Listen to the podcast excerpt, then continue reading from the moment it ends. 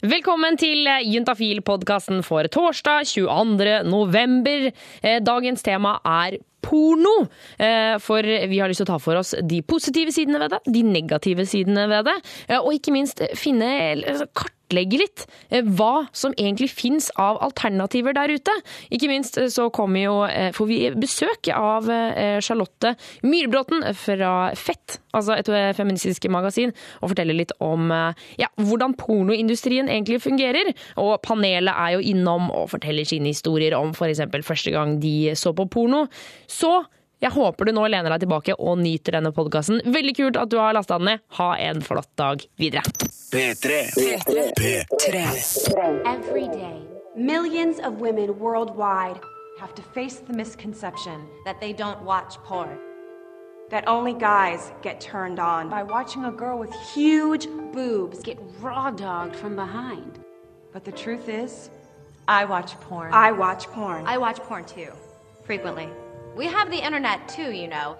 and it's time for the world to know it. It is time for us to scream. At the top of our lungs, I, watch, porn. And I really, really enjoy it.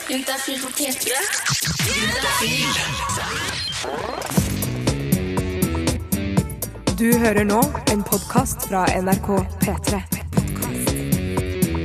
NRK.no skråstrek podkast.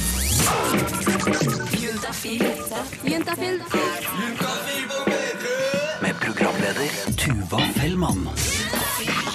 Når det kommer til sex, så er det mange kriker og kroker, ting og uttrykk vi ikke vet hva er, eller ikke skjønner noe av, eller ikke aner noe om. Men er det én ting som jeg tror alle vet hva er, så er det porno. Enten du har sett mye eller du har sett lite, så veit du hva det går ut på. Men spørsmålet er liker du det? Liker du porno? Eh, Jeg husker godt fra ungdomsskolen da alle de kule gutta hadde pornobladet. De viste liksom til de andre i klassen. Eller så løp vi hjem til noen som hadde kabel-TV og switcha innom de kanalene hvor de viste porno. Og akkurat der og da så tror jeg det var mye blanda følelser. Noen bare syntes at det var det ekleste de hadde sett i hele livet sitt. Og andre kjente det pirra helt ut i fingertuppene. Men så, da. Når man har ja, mistet jomfrudommen, kanskje fått seg kjæreste, eller i hvert fall har sex sånn ja, litt regelmessig, i hvert fall. Hvor opptatt er vi av porno da? Altså, Er det sånn at du og kjæresten din setter deg ned og ser en liten snutt før dere setter i gang? Eller kanskje du jobber deg gjennom en bunke med filmer den perioden du ikke ligger med noen? Eller ser du kanskje aldri på porno og er ikke noe glad i det? Eh, Dette her er ting som jeg faktisk jeg lurer veldig på det, og vi skal prøve å finne svarene i løpet av dagens sending. For på Juntafil så preiker vi om porno i dag. Jeg heter Ua Fellmann og skal styre denne sexskuta til frem til klokka åtte, og jeg gleder meg veldig mye. Eh, Og før mer pornosnakk så skal vi åpne den hellige Juntafil-innboksen. Så om du nå sender en SMS til 2026 kodeord juntafil, så er du 100% anonym. Eh, straks så kommer vår syslege Lars inn i studio. Han skal svare på alle spørsmål om sex, kropp og følelser. Så fyr løs med det du lurer på om pikk, pupper eller p-piller. Få svar på dine spørsmål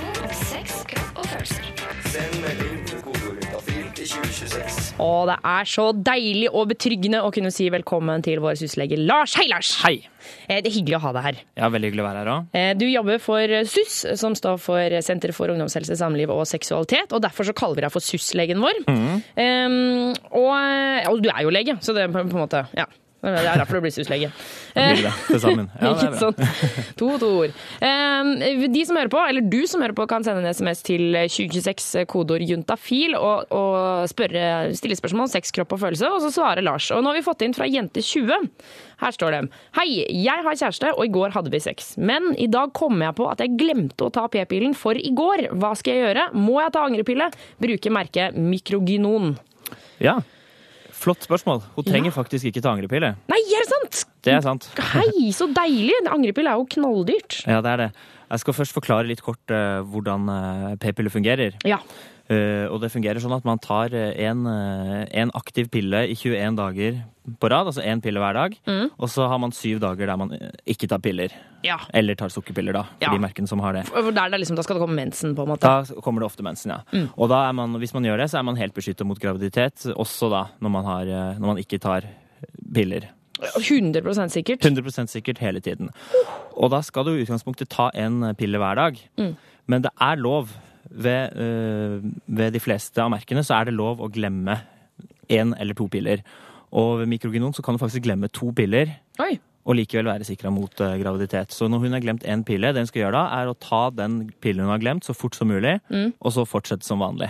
Ja, selv om hun da eh, i dag må ta to piller, da, så Ja. skal hun fortsatt gjøre det? Ja, Så da tar hun den pillen når hun kom på at hun glemte det i går, så tar hun den pillen med en gang, og så tar hun dagens pille som vanlig, og så fortsetter hun, eh, fortsetter hun eh, som vanlig. Og da er hun helt beskytta mot graviditet, så lenge hun ikke har glemt piller andre steder på brettet. Ja, Ja. ok. Så hvis det går en måned, og hun glemmer uh, først, eh, første uka, så glemmer hun en pille, og så går det en uke, og så glemmer hun en pille til, er det da er, det- er hun fortsatt sikker da, eller? Ja, det går fint. Det går fint. Ok, På mikrogenon, men det er veldig viktig å si at det er forskjellig fra merke til merke. nettopp. Ja, så at hvis man har man glemt eh, eh, en pille, så bør man jo da, kan man jo ringe SUS eller sende melding til SUS og så spørre hvordan det er akkurat i det, i det tilfellet da, med det merket de bruker. Ja. Ja. Vi skal svare på flere SMS-er i løpet av dagen. Vi skal sikkert snakke litt om angrepille også, tipper jeg. Det blir nok litt om det òg. Ja, nettopp. Få svar på dine spørsmål om sex, kropp og følelser. Send melding til kodeordet til 2026. Og vår syslege Lars skal fortsette å svare på SMS-er som kommer inn til 2026. Kodeord juntafil. juntafil. Er du klar for SMS fra jente22, Lars? Ja, det er jeg klar for. Her står det Hei. Jeg ser litt på porno iblant. Eh, Jeg tenner på alt fra eh, pikk til fitte. Er jeg lesbisk fordi jeg tenner på fitte? Ja, Det er et veldig vanlig spørsmål på SUS. Eh, Folk som lurer på hva, hva man skal kalle de, da. Eller hva de skal kalle seg selv. Ja, hvis man tenner på, på det, altså det samme kjønn. Ja, ikke sant? eh, men det som er eh, viktig å, å få frem, er at når man er ung, så er det det er veldig vanlig det er å være litt usikker på kjønnsidentiteten sin og tenke på å fantasere om både samme kjønn og motsatt kjønn. Ja. Og det er veldig mange som eksperimenterer en del før de da finner ut om de er hva de er, da. Om de er heterofile, eller om de er homofile eller bifile. Eh, ja, At det tar litt tid før de finner ut av det, da. Ja, altså, men øh, jeg tenker jo sånn at Det å tenne på er vel jo ikke det samme som å på en måte ville eh, Å ha den legningen, liksom. Nei, å ha den legningen, Mm. eller å ha, ville ha sex med en jente, f.eks. Du kan jo tenne på å se en jente ha sex på TV uten at man har lyst til å ligge med Ja. jenta selv. Det er et veldig godt poeng. Det er veldig godt poeng.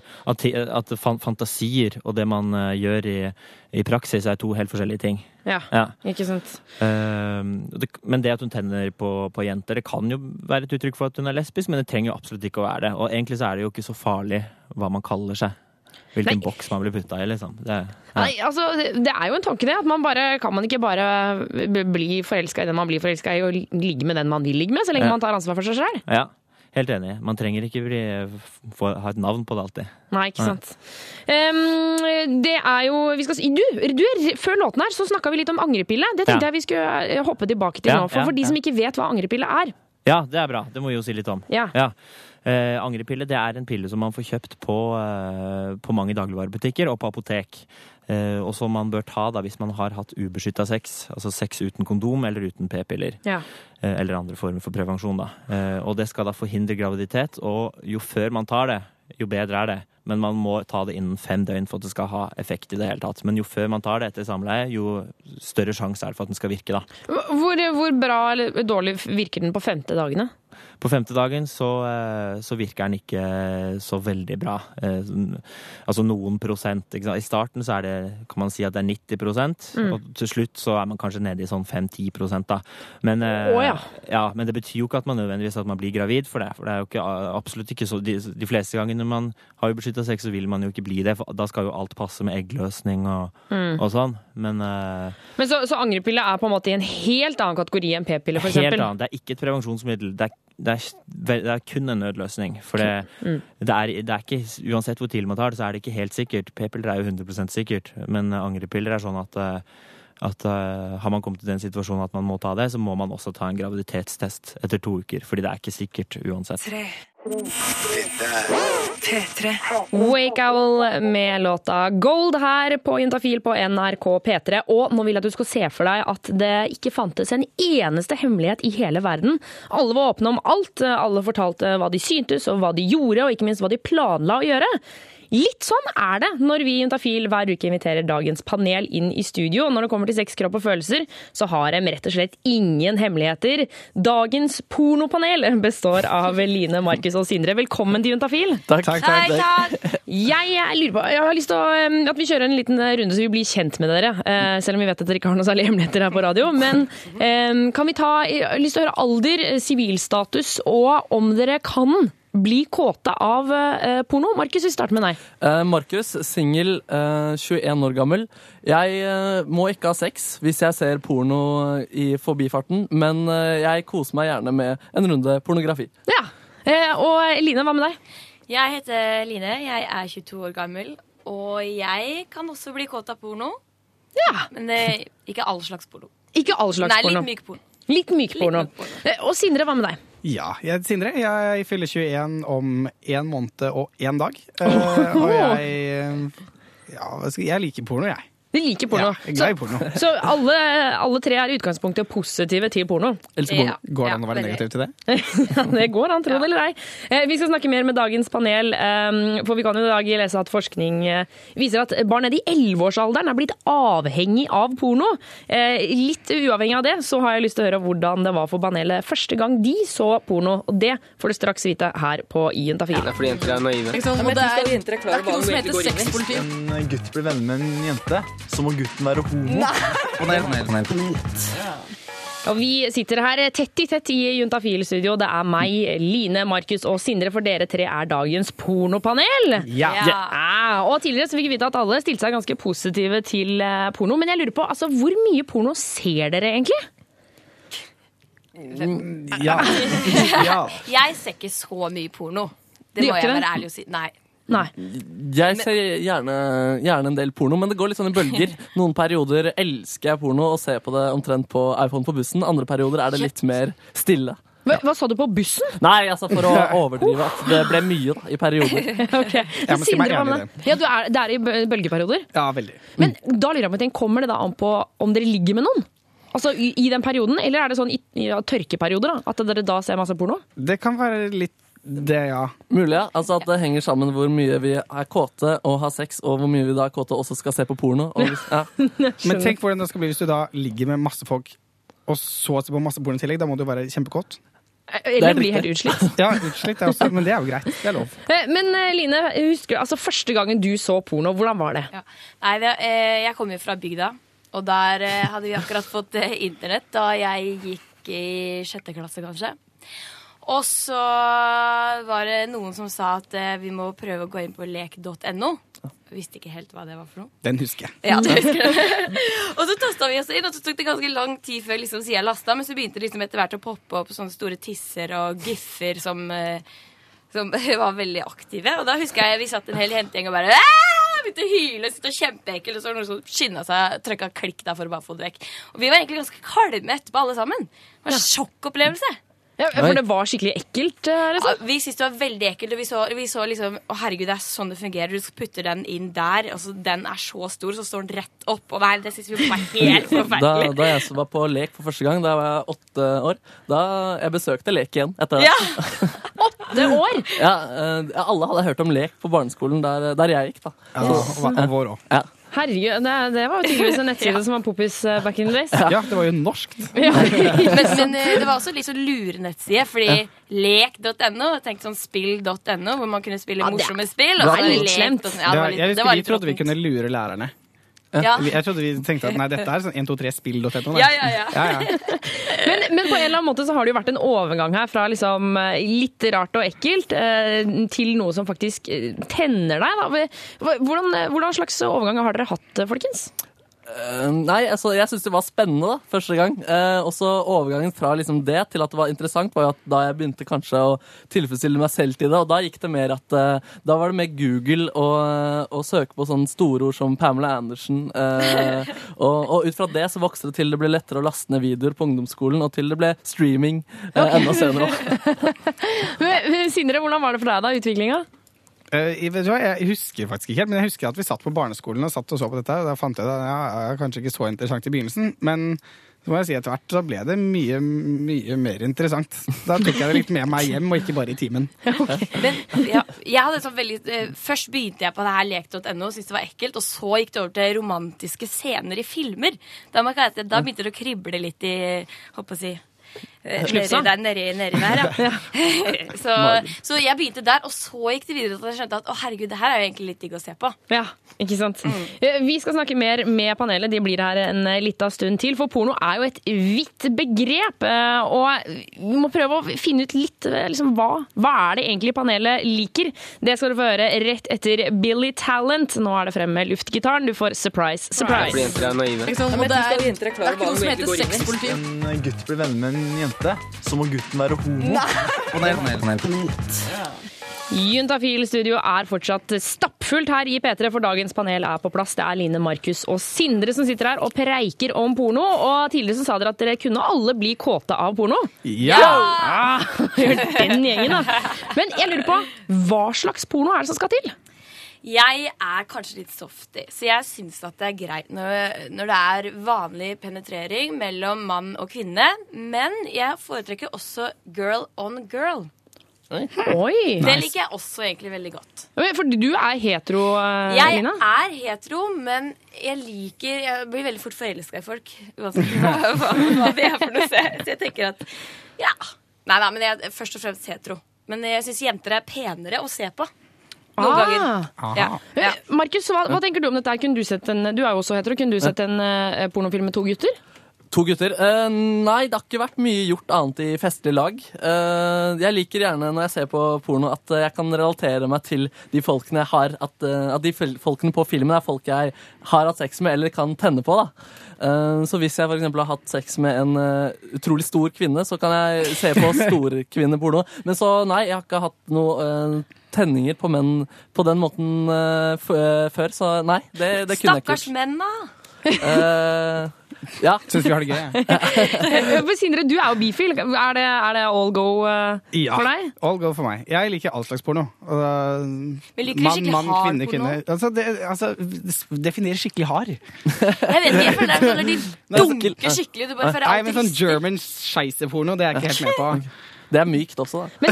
Men så, så tenker dere liksom litt sånn eh, realistisk porno? Er det det dere vil ha? Ja. Ja.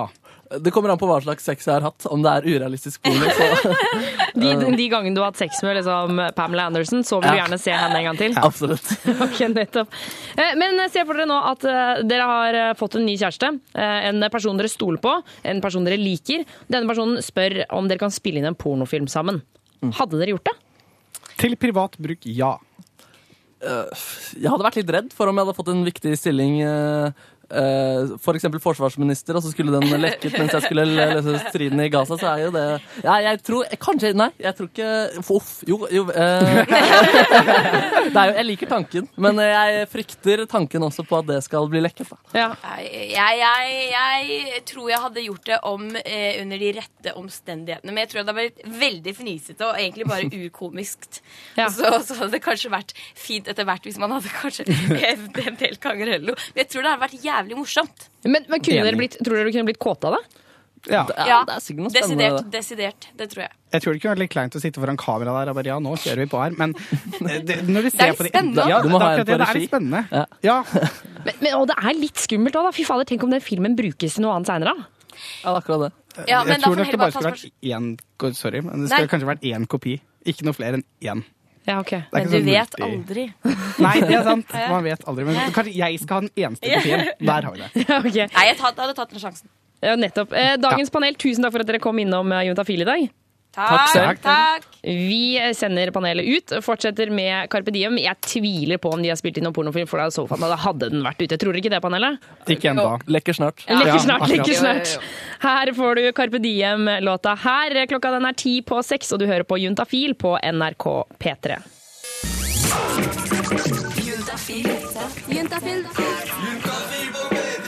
Med programleder Tuva Fellmann. Inne blant glidemiddel, dildoer og håndjern og DVD-pakker står det et ungt par. Og Vi er inne i en butikk eh, som mange vil kategorisere som litt sånn småshady. Det er rett og slett en sexsjappe. Bak kassa så står det jo selvfølgelig en tydelig selvsikker dame. Hun ser ut som hun kan alt om sex, men det er verre med paret som ser ut til å ha forvilla seg inn i denne butikken. Det er fargerike cover med både pisker, og det er noe med to jenter, og det er noe med bare gutter, og det er noen hvor det er tydelig at alt skjer ute i skogen. Byen, eller på en eller annen sånn industridel av byen. Eh, og dette paret har altså eh, prøvd, altså bestemt seg for at de skal prøve ut å se porno sammen, men aner ikke hva de vil ha. For det er jo det som er greia med porno, det er så utrolig mye forskjellig. Det er alt fra provoserende hardcore til en slags sånn puseporno, til sær, abstrakt pornografi.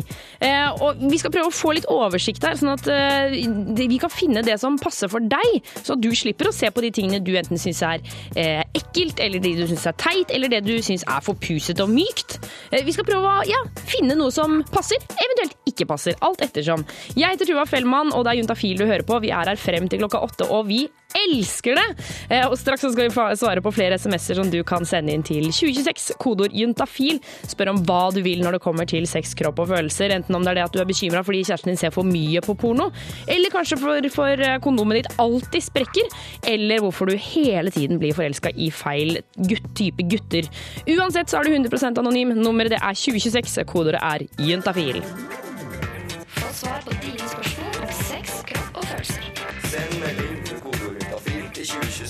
Og vår syslege Lars er på plass eh, i studio igjen eh, og svarer på SMS-er eh, som kommer inn. Og Lars, er man 100% anonym? Eh, Jeg må huske på å skru på mikrofonen din. Hei, Lars! Ja, hei, hei. Hei. Det er jammen ikke lett. Du, er man 100% anonym? Det er sånn Når man sender inn melding til SUS og til Juntafil, så er det helt umulig å finne ut hvem som, som sender inn. Det er deilig betryggende, kjenner jeg. Det er det. Eh, Og vi har fått inn masse SMS-er, og alle kommer til å få svar enten her på lufta eller på SMS i løpet av morgendagen. Eh, Nå er det fra gutt 20, hvor det står I morgen skal jeg ha et aldri så lite vorspiel hos meg. Jenta jeg har vært sykt forelsket i siden 2010, kommer dit. Jeg gleder meg sykt. Men jeg er jomfru, hun er forhåpentligvis også jomfru. Hun er 15 år. Dette er forbudt kjærlighet, eh, som jeg så veldig gjerne vil ha. Hva gjør jeg? Vær så snill, hjelp en kjærlighetsblendet gutt på søken etter den rette. Ja. Dette Ja, det skjønner jeg er vanskelig for han. Ja, og det, Du skal ha eh, cred for å sende inn SMS og spørre om dette her, eh, gutt 20. Ja, det er kjempebra at han gjør det. Ja. Og han styrer jo ikke hvem han eh, får følelser for. Nei. Men som, eh, i, som det er i Norge, er at vi har en seksuell lavalder på 16 år. Ja. Og det betyr at det ikke er lov å ha, å ha sex med personer som er under 16 år. Ja. Så det, det må han jo i hvert fall være veldig klar over, da. Og han er 20 og hun er 15, så det er i tillegg en veldig stor aldersforskjell mellom de to. Ja, jeg tenker, ja, og det er liksom i, i forhold til hvordan man tenker og hvordan man er, så når jeg var 15 i forhold til hvordan jeg var når jeg var 20, er jo også ganske stor forskjell. Mm. Det er det. Og, men det er forskjell på både 20-åringer og 15-åringer og hvor modne de er. Mm. Eh, men det er sånn at når han er såpass mye eldre enn henne, så er det sånn at hvis det da, hvis han skulle prøve seg på henne og de skulle bli kjærester og skulle ha sex, hvis så noen anmelder han for det, så kan han faktisk bli straffa. Ja. Mm. Så skal vi komme med noen noe retningslinjer til gutt 20 her? Hva er det han eh, bør gjøre? Ja, eh, det han bør gjøre, Hvis han liker den jenta veldig godt, Mm. så syns jeg faktisk han bør vente med å prøve seg på henne til hun er 16 år. Ja, og, eller Det går jo også an å, å, å på en måte være mye sammen med henne, Ja og det går an å kysse henne, for det er jo fortsatt lov. Hvis, hvis, de har jo lov å kline, på en måte. Det, det, altså det går jo an å bli, å bli kjent, ikke sant? Ha, ha, å bli kjent og, og, og at han inviterer henne over og, og, sånn, og sånn som du sier, kose på andre måter, er jo eh, eh, Vil jo da ikke defineres som sex, men sex er jo ikke bare samleie, da. Nei. Det er alle, alle seksuelle handlinger, ikke sant. Så, Ja. Så han, Um, han må være, være litt, eh, litt, litt forsiktig når det gjelder det også. Ja. Ja. Og, og så tenker jeg, fordi Det virker jo som at de allerede har et forhold, så det kan godt hende at, har, det, det kan godt hende at du har godt av det, det er på en måte den startfasen uansett. Mm. Det, det, kan jeg bare si at det, du får ikke lov å, å ligge med henne på denne festen. Nei. Jeg må bare si det, du får ikke lov. Nei. Juntafil sier nei. Og hun er jo for ung til å drikke alkohol også, Ja. egentlig. Ja. Så vi sier nei til det fordi at seksuell lavalder er 16, Mm. og med i tillegg da med en så stor aldersforskjell som det, så det er ulovlig, rett og slett. Og han kan bli straffa hvis noen anmelder det. Ja. Ja. Men det skal jo si at eh, han har vært forelska i denne jenta i to år. Mm. Eh, og liksom ja, Det er jo sånn som de sier det. det er, altså, gode ting er jo verdt å vente på. Ja, absolutt.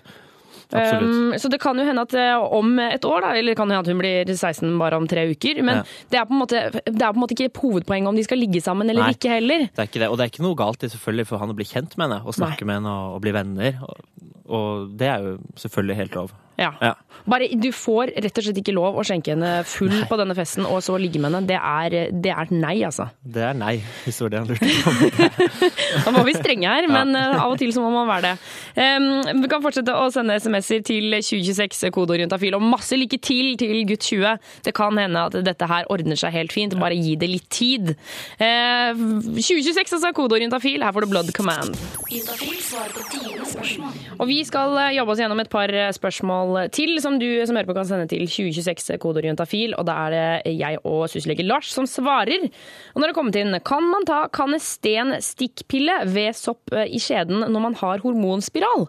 Ja. Her var det mye jeg eh, Ja, vi forklare litt hva de ulike tingene betyr. Ja. Ja. Eh, Kanesten stikkpille, hva er det for noe? Ja, Kanesten er et middel som man bruker når man har en soppinfeksjon. Eh, Så når en jente har hvit, klumpete utflod og klør i skjeden, da kan det skyldes sopp. Som jo ikke er en seksuelt overførbar infeksjon, men noe som bare man kan få innimellom. Men Det er en ubalanse i eh, Ja, på en måte. Ja. Ja. For det kommer ikke av altså at man er uhygienisk, Nei, liksom? nei, nei, det gjør det ikke. Det kommer ikke at man er uhygienisk, og det er heller ikke seksuelt overførbart. Så du kan kalle det en slags ubalanse, da, som Ja. bare kommer. Ja. Okay. Og så hormonspiral, hva er det for noe? Eh, hormonspiral er et prevensjonsmiddel. Eh, som er en sånn liten plastdings som legen, eh, når en gjør en gynekologisk undersøkelse, da, kan sette inn i livmoren. Putte inn i livmoren hos jenta. Så ligger den der og avgir hormoner på, på samme måte som det p-piller gjør. Bare at den ligger der hele tida og kan ligge der i opptil fem år. Sånn at du rett og slett ikke blir gravid. Ja. Fem år, det er lenge å ha noe inni sluffusen, da. Mm, men du kan jo ta den ut når du vil. da. Så Hvis du vil bli gravid, for eksempel, så kan man bare gå til legen og få tatt den ut igjen. Men du kan ikke ta den inn og ut annenhver dag, liksom? Eh, nei, Nei, det er ikke noe poeng i. Nei. Ok. Men også går det an å ta den stikk, stikk, stikkpilla når man har hormonspiral? Ja, det går fint an å gjøre. Så, okay. ha, så tror man at man har en soppinfeksjon, første gang så bør man gå til legen da, og få, få det bekrefta at det er det det er, at ikke det er noe annet. Mm. Og så får man da resept på kanestenstikkpille som man kan bruke. Og det kan man bruke selv om man har eh, hormonspiral. Og så har vi fått en SMS til. Um, jeg tar mikrogenon kontinuerlig, altså da p-piller. eh, hopper over sukkerpillene eh, og slipper mens, altså mensen. Mm. Hvor lenge kan jeg fortsette med dette her? Ja. De er- P-piller er jo eh, bygd opp sånn at man skal ta 21 piller på rad, og så skal man ta syv Så er brettet lagd sånn at man skal ta syv dager uten, Mm. og så nytt brett, da. Men det, det er egentlig ikke noen grunn til at man skal ta de syv dagene uten hver måned. Så man kan, sånn som hun gjør, bare hoppe over de, og da slipper man mens. Og Hvor lenge kan man gjøre det? Og det er litt forskjellig fra person til person hvor lenge man vil gjøre det, før man da vil få en liten blødning, eller en, at man vil begynne å dryppe litt blod, da, sånne Mm. spottblødninger som vi kaller det, som vil komme etter hvert, fordi livmorslimhinna bygger seg opp hvis man ikke får tømt den ut ved en, en menstruasjon. da. Fyller det seg opp med blod inni der, da? Ja, altså det er bare Slimhinnen bygger seg opp, så det er ikke sånn at det er masse blod der. Det er ikke sånn at Hvis du stikker en nål inni, så bare skyter det ut, liksom. Nei, så helst ikke stikke nål inn og prøve det. Nei, men det, ja, unnskyld, ikke stikk nål i tissen. Ikke gjør det. Det er kjempedumt. Nei, så det, men det er bare at det, akkurat som du gjør under en vanlig menstruasjonssyklus, da, så vil du få øh, vil slimhinnen bygge seg litt opp. Og hvis man hopper over, de, øh, hopper over mensen flere ganger, så vil man etter hvert begynne å, å blø litt. Men det er veldig forskjellig fra jente til jente hvor lang tid det tar. Så Men det bør så- man prøve seg litt frem sjøl. Ja, og så når du får blødninger, da er det på tide å, å få mensen igjen? Ja, da, da kan du, det du kan gjøre da, er bare å stoppe på p-pillen og ta en uke uten, og så da vil du blø ut. Eller du kan velge å vente så lenge du vil, men da vil du regne, må du regne med at du skal gå går og blør litt sånn småblødninger under, øh, Underveis, underveis, og det er jo, kan være kjedelig. Ja. Ja. Eh, nummer inn hit er 2026. Kodeord er juntafil. Her får du Ed Sheeran, The A-Team og rett rundt hjørnet også Churches. Eh, du hører på NRK P3. Juntafil med Tuva Fellmann på P3. Admiral P med låta 'Kallenavn'. Og det er egentlig ganske hyggelig å spille den sangen her, for nå står jeg og spiser Sweet baby girl! jeg, jeg står og spiser Love Hearts, og idet jeg knasker det i meg, nå har jeg fått en Ever Yours, da tropper jo selvfølgelig reporter Marie Kinge opp. Jeg tar den, jeg later som den er til meg. I am forever your reporter, Tuva. Ja, Så koselig, så koselig. Marie, Ja. fortell oss eh, hva du har gjort i dag.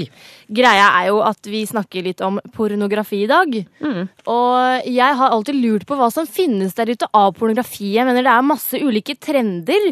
Det er mye sykt, og akkurat det har jeg kanskje ikke lyst til å finne ut eh, så mye om. Men det, Det er syke, liksom? Det syke, som Two Girls One Cup. Nei takk. Nei. Nei takk.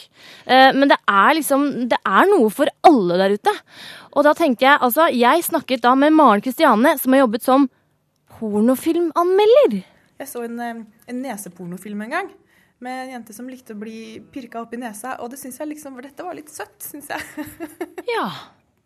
Jeg ville finne ut hvordan det er å anmelde en pornofilm, og derfor så snakket jeg med Jeg heter Maren Kristiane, eh, og jeg eh, har jobbet i pornobutikk i flere år. Og så har jeg anmeldt litt porno på bloggen min da jeg jobba i pornobutikk, for da så jeg masse. Den tidligste pornoen jeg har sett, det var sånn vintage-porno fra sånn 20-30-tallet.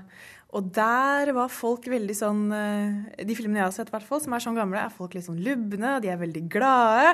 Og han fyren som får en dobbel blowjob, han setter kjempestor pris på det. Han er så glad for at det er to damer som gidder å suge han samtidig. Maren Kristiane har rødmalte lepper, langt, mørkt, krøllete hår, og hun lyser opp når hun begynner å snakke om porno. Eh, Nå er jo på en måte pornobransjen en sånn bransje hvor det er plass til alle slags eh, former og fasonger. da. Fordi at hvis du, er, hvis du liker å se på tjukke damer, så finner du det. Liker du å se på brune damer, så finner du det. Liker du å se på tynne damer, så finner du det. Det er plass til alle, da. ikke sant? Og likevel så er det jo én sånn eh, plastikkdame som står litt foran alle de andre, som er den stereotypiske pornodama, da. Det er jo veldig lite hårvekst i porno nå. Det er kanskje Sasha Gray og Stoya som liksom fronter busken, og det syns jeg er kjempekult at de gjør. Da jeg så eh, Deep Throat, når er den fra 70-tallet, Ja. ja. der har jo alle kjempebusk. Og liksom busk hele veien, fra rumpa og hele veien fram, og det vil jo aldri se i dag. Men jeg lurer på hvordan porno er i ulike land. Altså, Er det stor forskjell? Norge har jo ikke noen pornobransje, nesten. Hvis du vil lage porno i Norge, så må du til Sverige. For Sverige produserer sånne halvmorsomme svorske pornofilmer med sånn eh, litt goofy humor og sånn. Mike Beck og sånt noe. Han er søt. En periode så tok vi inn masse japansk porno, for vi ville se hvordan det så ut. Og det var en helt annen verden. For da var plutselig jentene fryktelig passive. Eh, og de ligger der bare og er litt sånn De piper og klynker og sånn, nesten som de gråter. Men mennene er fryktelig snille med dem. Sånn var liksom tendensen der da, i forhold til amerikansk, liksom, hvor damene kan være forferdelig aggressive. Det var, sånn var ikke tendensen i, i den japanske pornoen, i hvert fall. Så det syns jeg var kjempemerkelig. Og det er liksom Det er jo 2012, da, så vi jo Vi lever jo i en liten verden, men så stor var forskjellene. Jeg må nesten spørre. Altså, Blir man ikke bare overkåt av å se på alle disse pornofilmene? Jo, man blir jo det, men når du liksom utsetter deg for så mye I den perioden jeg så mest porno, så tror jeg ikke jeg ble noe særlig kåt av det. For du blir liksom blasert når du sitter og sluker film etter film. Da ser du mest på andre ting. Sånn Oi, dette var en interessant vinkel på blowjobben. Og, ikke sant? Da blir du sånn. Da analyserer du det litt på en annen måte. Og eh, vi skal få høre litt mer om de analysene straks, fordi jeg lurer på hva som egentlig skiller en god pornofilm til en, fra en dårlig pornofilm. Altså, det er jo generelt bare pøking, men eh, det må jo være noe mer forskjeller der. Vi skal få høre mer om det straks rett etter eh, norske Sweden. Her eh, får du låta Hey Come On på Jentafil på NRK P3. Sweden med Hey Come On. Og på sånne sanger som dette her, så blir jeg så redd for Noen ganger så blir jeg litt redd for at jeg bare skal ta opp mikrofonen og synge. Eh, jeg, jeg, jeg er redd for at jeg liksom plutselig bare gjør det, helt uten å tenke meg om, og bare Hey Come Ja, On! Den angsten har jeg altså. Jeg har alltid angst for å i forelesninger på skolen med 300 mennesker og reise meg opp og bare si et eller annet. Ja, si, bare si plutselig, så sier man det kjempehøyt. Veldig merkelig angst å ha. Men det er ikke det vi skal snakke om. Nei, nei, ikke angst. Det er så slitsomt. Nei, la oss drite i det. Vi skal snakke om pornografi. Fordi før låta så hørte vi at jeg snakket med Maren Kristiane, som har jobbet som pornofilmanmelder. Og tenker jeg for det første liksom wow, for en kåtefrans slags jobb å ha. Men, men også, altså jeg snakket om henne da, for å finne ut hva som gjør en pornofilm bra. Jeg anmeldte pornofilmer da jeg jobba på Martin Shop, som den butikken het. Så jeg pløyde gjennom kanskje ti filmer i uka en periode. Jeg snakker med Maren Kristiane, som åpenbart har peiling på porr. Men det fins jo veldig mye rart der ute. Er det, er det mulig å si noe om forskjellen på de ulike typene porno? Oi! Ho. jeg tror at nesten uansett hva du liker, så er, ikke, er man ikke den eneste som liker det. Så det fins jo. Det er mange som liker de veldig glossy amerikanske pornofilmene. De går det jo masse av. Så er det mange som liker litt sånn lett SM, lett med sånne elementer av dominans og fetisj. Jeg har f.eks. sett en film som gikk ut på damer i sommerkjoler som gikk ut i elva og bada og gikk opp igjen. Det var det. Jeg har sett filmer med folk i latex-catsuit som setter seg på toaletter som det kommer grønn røyk ut av, og det er det. Så noen ganger så blir jeg litt sånn, jeg stusser litt og sånn, men greit. Flott. Det er fint at det, at det fins noe, noe for alle. Det er ikke bare den standard eh, pornofyren som du ser for deg. Altså det er mye par som leter etter noe, og som, le, som gjerne syns det er vanskelig å lete etter noe som er ålreit. for kvinner og par. Og så er det mye sånn rike dressmenn som uh, ser mye, som har et sånn hemmelig rom i kofferten sin hvor de har pornoen sin og sånn. Så det er alle, alle slags mennesker. Ok, Men nå til det jeg tror ganske mange lurer på. Hva er det som skal til for at en pornofilm er bra? Sånn rent bortsett fra at man blir kåt. Jeg blir veldig fascinert når folk er litt kreative og finner på noe nytt. Så hvis det kommer en kul eh, pornofilm med en kul setting, hvor folk har bra kostymer og Jeg så f.eks. en pornofilm um, som het Enter the Peep Show, som hadde sånn freakshow-tema. Hvor det var liksom sirkus, og alle damene var sånn alternative damer med kule kostymer, og det var liksom sirkusomgivelser. Det syns jeg var kjempekult. Da ble jeg fascinert. Siden jeg er jente, så identifiserer, jeg meg jo med jenta i filmen. Så hvis jeg syns det ser troverdig ut, hvis jeg syns det ser ut som at denne dama koser seg Det kan godt at hun spiller, men hvis hun spiller bra, hvis jeg kjøper det, så syns jeg det er gøy.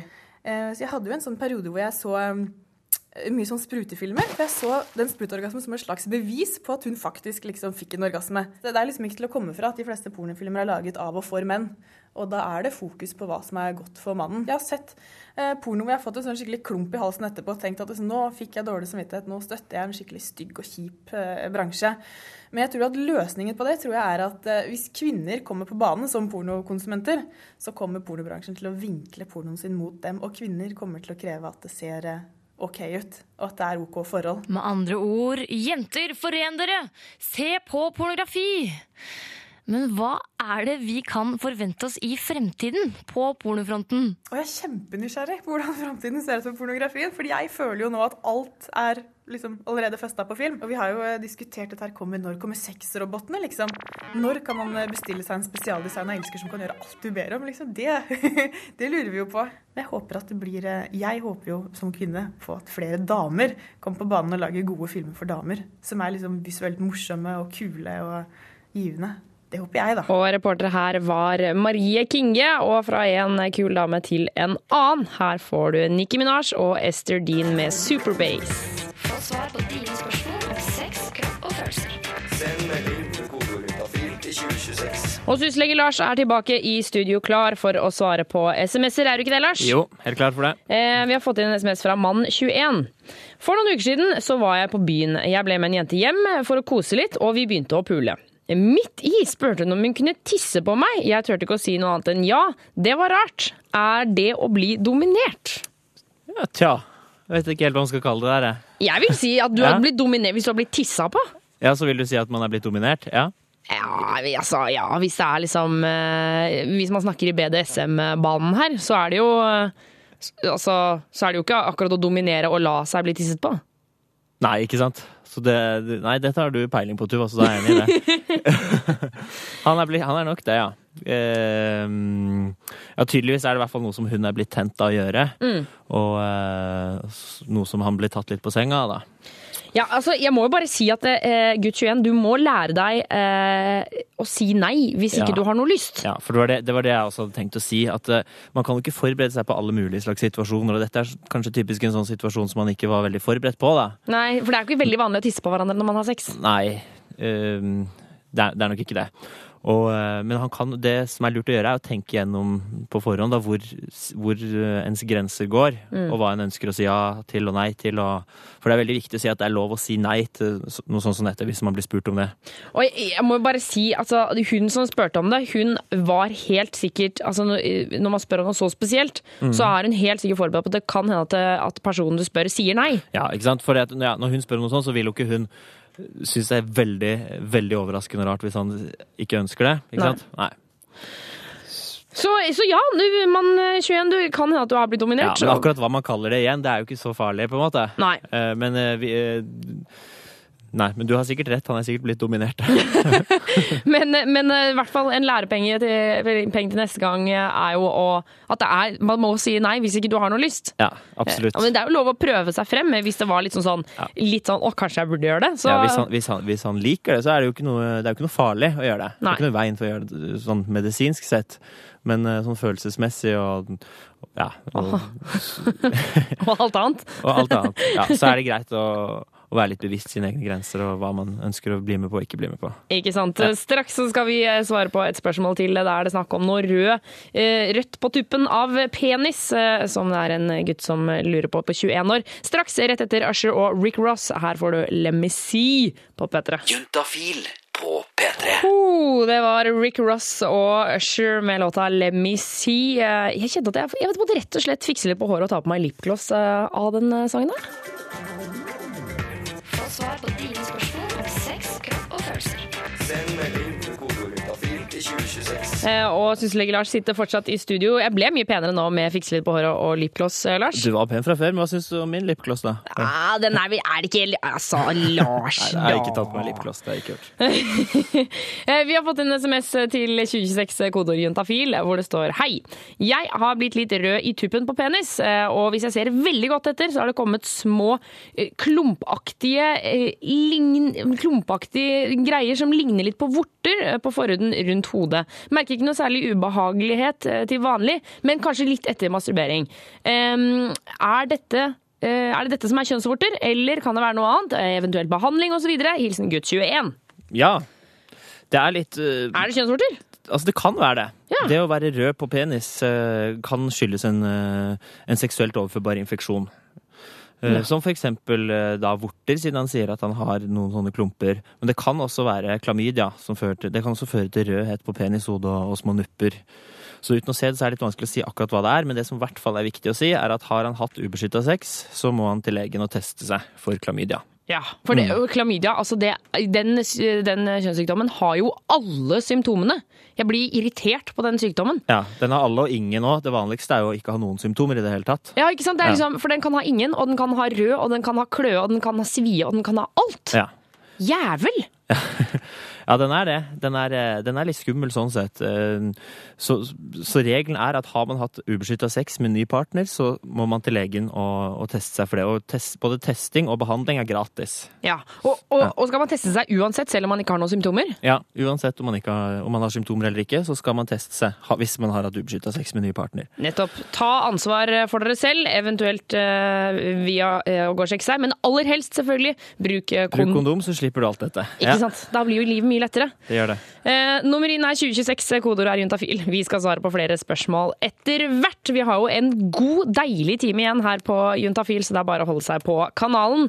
Nå skal vi over til ah, det, altså, For en låt, altså. I Will Wait eh, her på Juntafil på NRK P3.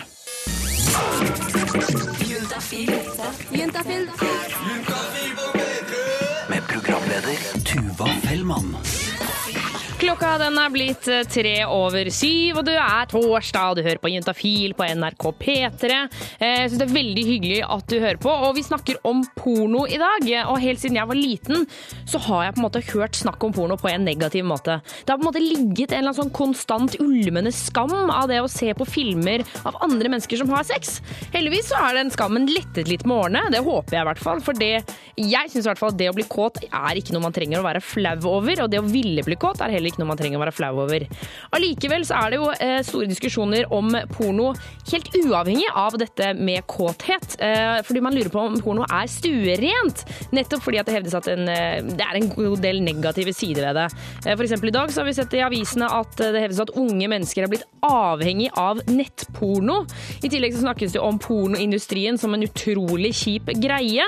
Og vi skal prøve å komme litt nærmere inn på dette her i løpet av den neste timen. Vi skal få, få, få litt inntrykk av hva er det egentlig det er snakk om, og hvor negativt er det? Eh, Vi får besøk av Charlotte Myrbråten, eh, som er redaktør i det feministiske magasinet Fett. Jeg har lyst til å høre hva hun mener er de negative sidene ved porno, eh, slik det er i dag, og ikke minst om hun ser noe positivt i det. For noe positivt, det må det jo være. Du hører på Juntafil. Jeg heter Tuva Fellmann, og vi skal snakke masse om sex, kropp og følelser, både via porno og ikke minst SMS-ene som du sender inn til 2026, kodeord juntafil. Husk å ta med kjønn og alder, og ikke minst holdet her på P3. Juntafil på P3. Der fikk du Crystal Fighters at Home her på P3. Og vi har, vi har snakka mye om porno i dag, om hvordan det kan brukes som oppvarming med en partner eller rett og slett alene.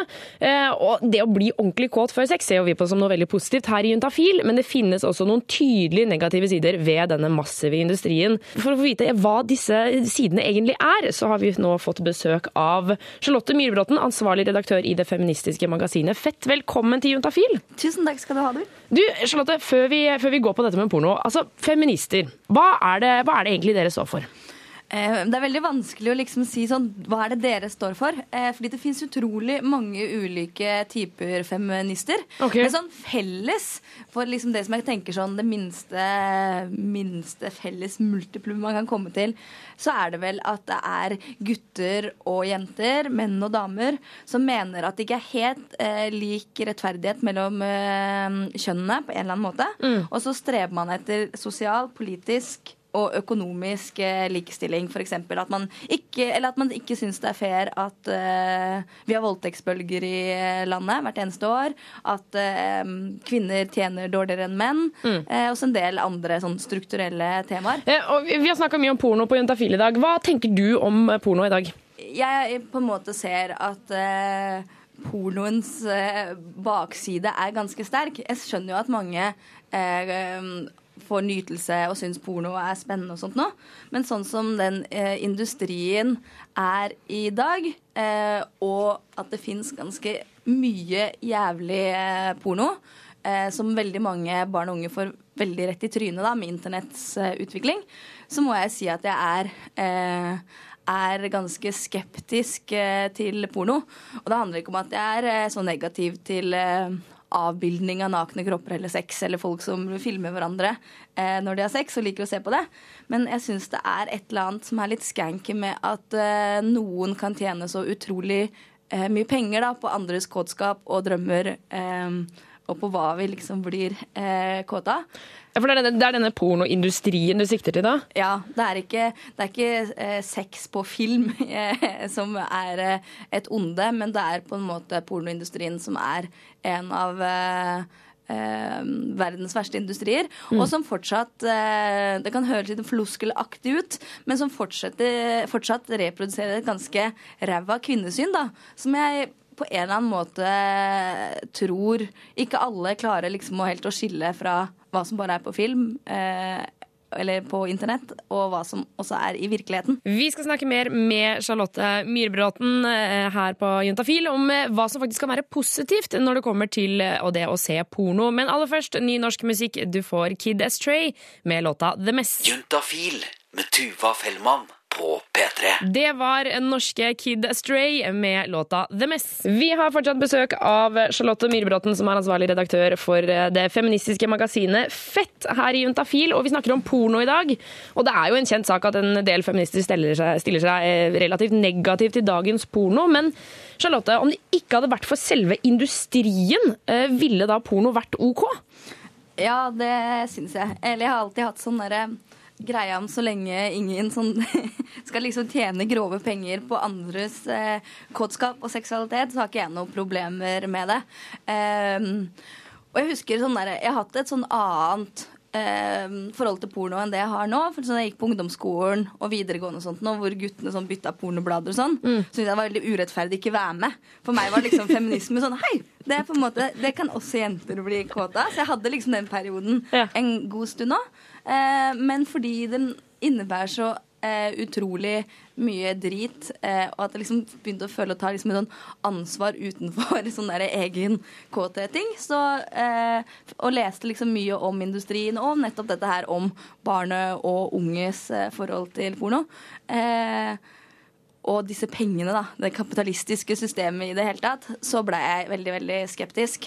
Eh, Fordi jeg tenker sånn, Når det kommer til alle andre store industrier, da, matindustrien og klesindustrien, så oppfordrer man jo på en måte å kjøpe økologiske varer eller fair trade-varer. Mm. Altså, Fins det noe her i porno? Er det, er det på en måte, Går det an å kjøpe en pornofilm som er ja, som ikke går til en eller annen sånn rik dude med, med stokk og eh, sånn der pelsjakke i USA? Men er, jeg tror liksom at det er mange som er på jakt etter litt sånn, eller hva skal man si, sånn streit Forholdsvis streit porno, da. Eh, hvor det er på en måte en mann eller kvinne eller et, et par andre. og sånt nå. Mm. Men når man går inn på en eller annen internettside, så kan man ikke sånn unngå å se jækla mye annet drit, enten i reklame eller andre sjangere, hvor det på en måte det handler om f.eks. Eh, voksne menn og veldig veldig unge jenter, sånn skole, skolepikegreiene og sånt nå, som jeg syns er problematisk. Men man ser jo også mange av de sidene har sånn porno som heter f.eks. sånn female friendly. Eh, og sånn. Eh, at, det, at det er liksom sånn tankegang om at man eh, er på jakt etter Eller at det er et marked for litt mer ansvarlig porno. Men det drukner på en måte i så mange mm, andre uttrykk, da. Jeg tenker sånn, Det er så mye i livet da, som på en måte er urettferdig, og som representerer et eller annet som er gærent. Eh, burde det på en måte ikke være lov å på en måte drite litt i det? Når vi sitter her i Norge og på en måte har på en måte ikke noe forhold til den svære industrien. Er det ikke lov hvis jeg blir kåt av å se på en pornofilm, så burde jeg få det, på en måte? Jo da, du burde eh, på en måte få det. og Det er ikke sånn at jeg vil sånn der nekte, nekte noen det. Men eh, jeg mener at eh, det henger sammen med også flere ting, da, for å bli litt ekstra sånn uh, tungrodd nå. Eh, på en måte det kvinnesynet og menneskesynet som er i mye porno. Eh, at mennesker som eksponeres mye for dette, her, også får et litt sånn merkelig forhold til likestilling, er ikke, eh, er ikke under tvil. Og så er det jo litt der, hvis man har lyst til å forandre verden, på en måte, så, er det, så må man jo starte med seg sjøl òg. Ja.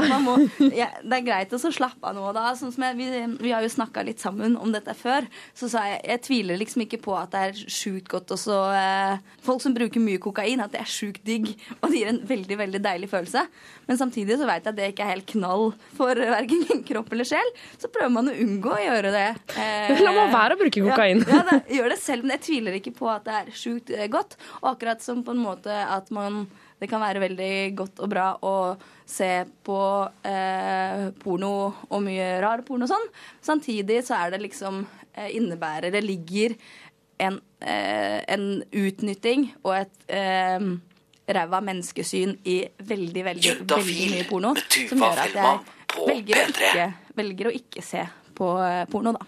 Charlotte Myhrbråten fra eh, feministiske magasinet Fett, tusen takk for at du kom innom Juntafil i dag. Takk for at jeg fikk lov å komme.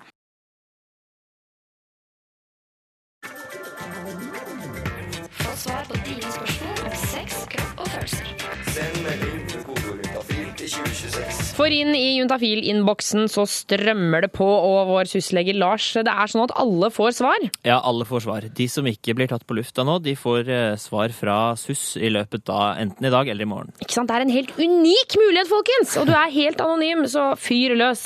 Eh, Vi har fått en melding her hvor det står Hei, jeg er en, eh, jente, en 20 år gammel jente som har vært eh, seksuelt aktiv i flere år, og hatt såpass med sex at jeg burde hatt en orgasme eller ti på repertoaret. Men det har jeg altså ikke.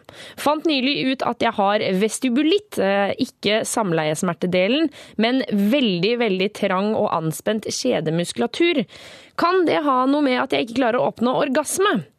Ja. Vestibulitt, hva er det for noe? Ja, kort si hva litt hva Kort si hva vestibulitt er for noe. Mm. Uh, man vet ikke helt hva det kommer av, men det er en, en brennende og sviende smerte og, og tranghet da, ved inngangen til skjeden. Og eh, det kan jo bidra til at det gjør vondt av samleie, og til og med noen ganger at det er umulig å få det til, da. Ja. Fordi det gjør vondt. Ja. Ok. Og er det, er det en vanlig sykdom, eller hvordan? Hva, Jeg skjønner ikke. Det er blitt litt vanligere nå i det siste, men eh, ja, veldig vanlig er det ikke. Nei. Men, eh, men det er en, på en måte en tilstand som man har blitt, man har blitt mer bevisst på i det siste, da. Ok. Ja. Eh, Men eh, så lurer hun på, kan det ha noe med at jeg ikke klarer å oppnå orgasme? Ja, altså eh, Jenter er jo i utgangspunktet litt mer komplisert skrudd sammen enn gutter når det kommer til det fra før. Det er faktisk veldig mye mer komplisert, har jeg inntrykk av. Ja. Så, eh, og det at når hun da i tillegg har dette, har eh, vestibulitt, så kan jo det selvfølgelig bidra til å gjøre det enda vanskeligere. Eh, men selv om det er vanskeligere for henne og for jenter, så har alle jenter i, utgangspunktet muligheten til å få orgasme, da. Ja, for jeg tenker sånn, det, Dette gjør jo at hun, eh, at hun har vanskeligheter med å, for, for å liksom ha penetrering, på en måte. mm. Men jeg tenker at det er jo Om jeg har forstått det rett, så er det få jenter som kommer av selve Mm. penetreringen. Ja. Det aller, eh, aller vanligste er at man trenger å, eh, å også kose og ta på og stimulere klitoris, da. Ja. Som er den, eh, den tappen som ligger helt fremst i jentetissen, der hvor de indre kjønnsleppene møtes, da.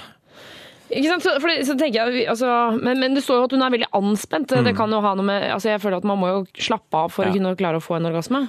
For å få en orgasme, det gjelder jo for så vidt både gutter og jenter, Mm. så er det viktig å, å, å slappe av. Og for å, for å gjøre det, da, så, er, så kan det være lurt å, bli kjent med sin egen, uh, sin egen kropp og sin egen lyst og, og sånt sjøl, ved å onanere for seg sjøl og, og, eh, og prøve seg frem litt før man da har sex Ja, med en annen person. Ja, Hun blir rett Mm. og slett mm. onanere mer.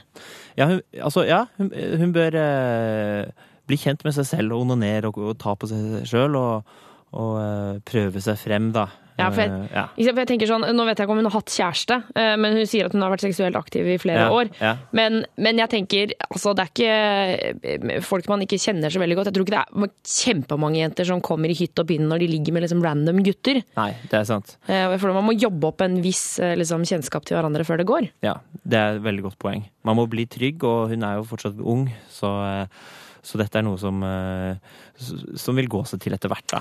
Jeg sier stå på Jente20, og hvis du vil ha noen eh, ekstra tips, så har jo, hvis du går inn på p3.no skråstrek juntafil, eh, så for en god stund siden eh, så intervjua vi en dame som heter Betty Dodson, som er orgasmeguru. Eh, hvis, du bare, hvis du bare søker det opp, Betty Dodson juntafil, så finner du masse klipp fra hennes liksom, faktiske tips, og hun er jo orgasmeguru. Herregud, det er jo mer enn deg og meg, Lars. Ja, jeg skal ikke på, på den tittelen der. Nei, nettopp. Eh, vi skal svare på flere SMS-er når vi vi hvis nei, du sender en 2026 SMS er 2026, Husk å ta med kjønn og alder, for du er 100 spørsmål. Sleng gjerne anonym. med kjønn Eh, og alder. Her får du Eh, Eva og N. The Heartmaker. Heartmaker. Nå står det. Hei! Eh, Er en 28 år gammel mann som har vært singel i ett år nå. Og har vært på noen one night-standere i det siste. Eh, Problemet er at jeg klarer ikke å bli kåt nok til å ha sex. Hva kan jeg gjøre for å helbrede dvalen? Ja. Helbrede dvalen, ja. Ja, Kan Ja. jeg komme med et tips, eller? Ja, gjerne. det. Slutt å ha one night stands. Ja. Finn på noe annet. Ja, det er jo, kan jo være et bra tips, det. Det er eh, Når man har, eh, når man har one night stands, så kan man jo bli litt lite eh, sånn emosjonell intim, da. At Mm. kanskje han heller trenger litt sånn kjærestenærhet for å bli slappa av og bli ordentlig tent. Ja, og, Ja. og one night stand in, involverer jo ofte, selvfølgelig ikke alltid, men ofte en del Mm. alkohol også. Mm. Og det er jo ikke akkurat den beste settingen for sex, er Det det det ikke. det er det ikke. Og så er det også sånn generelt da, at, eh, at seksuell lyst varierer veldig gjennom livet. Eh, og at man i noen perioder har eh, stor sexlyst, mens man andre ganger går veldig lenge da, uten å ha så, ha så lyst på sex. Mm. Så det er noe som er dynamisk, og som, og som kommer tilbake. Ja. Ja. Jeg, jeg, jeg føler liksom det der med one night stand eh, Vi snakka om en, en jente tidligere også som, eh, som følte at hun ikke kom. Nå vet vi ikke om hun har hatt one night stand, Mm. Eh, men, men jeg føler at den type sex kan liksom ikke sammenlignes med vanlig edru sex hvor du ligger med en du kjenner godt, eh, og hvor man på en måte har et ordentlig vorspiel, og man man ligger sammen, da. Man, Mm. man har ordentlig samleie. Mm, Jeg føler at one night stand er litt sånn høk og pøk. Ja, jeg er enig i det. Eh, så ofte så er det Og, hvis, man er, hvis man kjenner en person, så, så vil man jo da være tiltrukket av, eh, av hele personen, ikke sant? Og ikke bare det kroppslige der, der, og der og da. Ja. tilfelle. Ja. Så, så, og da kan man jo også snakke mer sammen om hva man liker å gjøre, og man slapper av sammen, og dette er noe man gjør fordi man er forelska i hverandre da, og liker hverandre godt. Og det, for mange så er det det som skal til for å få ordentlig sexlyst, da. Ja. Ja.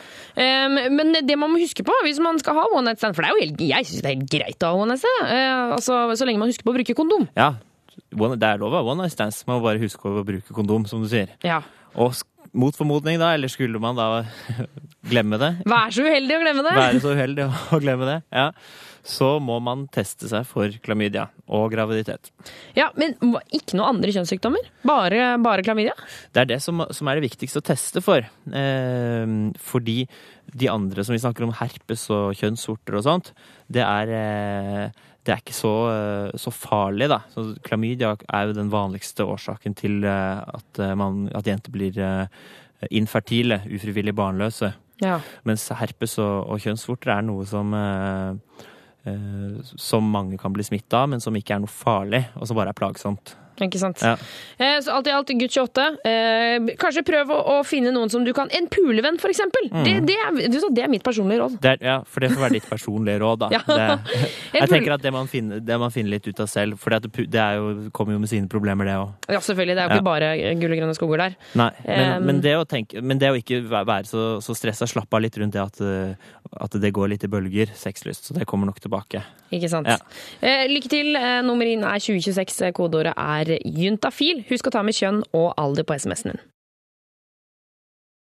Bendik med 'Forsvinne' her på NRK P3, og programmet som tikker og går. Jeg er juntafil. Og eh, vår huslege Lars, eh, vi har, det har kommet inn masse SMS-er til 2026 kodeord juntafil, og vi har jo ikke rukket å svare på alle sammen. Nei, vi rekker ikke ta alle her på radioen. Nei. Hva skjer med de vi ikke har svart på? De vi ikke har svart på, får, eh, får en melding, en SMS med svar på spørsmålet sitt. Og den får de enten i eh, kveld eller i morgen. Ja. Mm. Eh, og eh, dere fins jo på suss.no. Hvis man klikker seg inn der, hva, hva, hva har dere å tilby? På suss.no så, så kan du finne hvilket nummer du skal ringe hvis du vil ringe og snakke med SUS, eh, hvilket nummer du skal sende til hvis du vil sende en melding, og hvilken mailadresse du skal sende til hvis du vil sende mail. For det vil finnes både på telefon, på SMS og på mail. Ja. Og dere er oppe hver dag? Hver eneste dag hele året. Ah, herregud, på ettermiddagen. Så det er bare å, å fyre løs. Eh, Lars, tusen takk for at du kom innom i dag. Tusen takk for meg. Eh, og eh, vi er tilbake neste torsdag mellom fem og åtte. Eh, og enn så lenge så kan du laste ned podkasten vår. Den finner du på iTunes eller på p3.no skråstrek juntafil. Eh, så da kan du høre på oss så mye du bare orker. Eh, og så Ja, så vil jeg, hvis jeg får komme med en anbefaling helt på, på slutten her, så syns jeg du skal stikke inn på p3.no. Eh, Ellie Golding var jo innom eh, NRK P3 i går. Hør henne spille live i popsalongen. Det er altså så fantastisk fint å høre på, Eh, så du burde absolutt sjekke det ut. I tillegg til at hun overraska Ronny Brede Aase, for han er superfan av henne. Overraska henne på kontoret. Så sjekk det ut på p3.no, eh, og selvfølgelig da skråstrek juntafil hvis du er keen på litt juntaprat. Jeg heter Tuva Fellmann, og her avslutter med Razika og Oslo.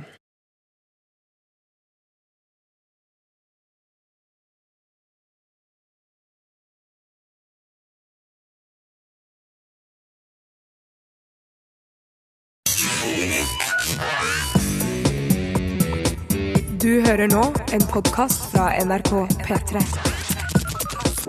Hent flere podkaster fra NRK på nettsiden nrk.no podkast. NRK P3.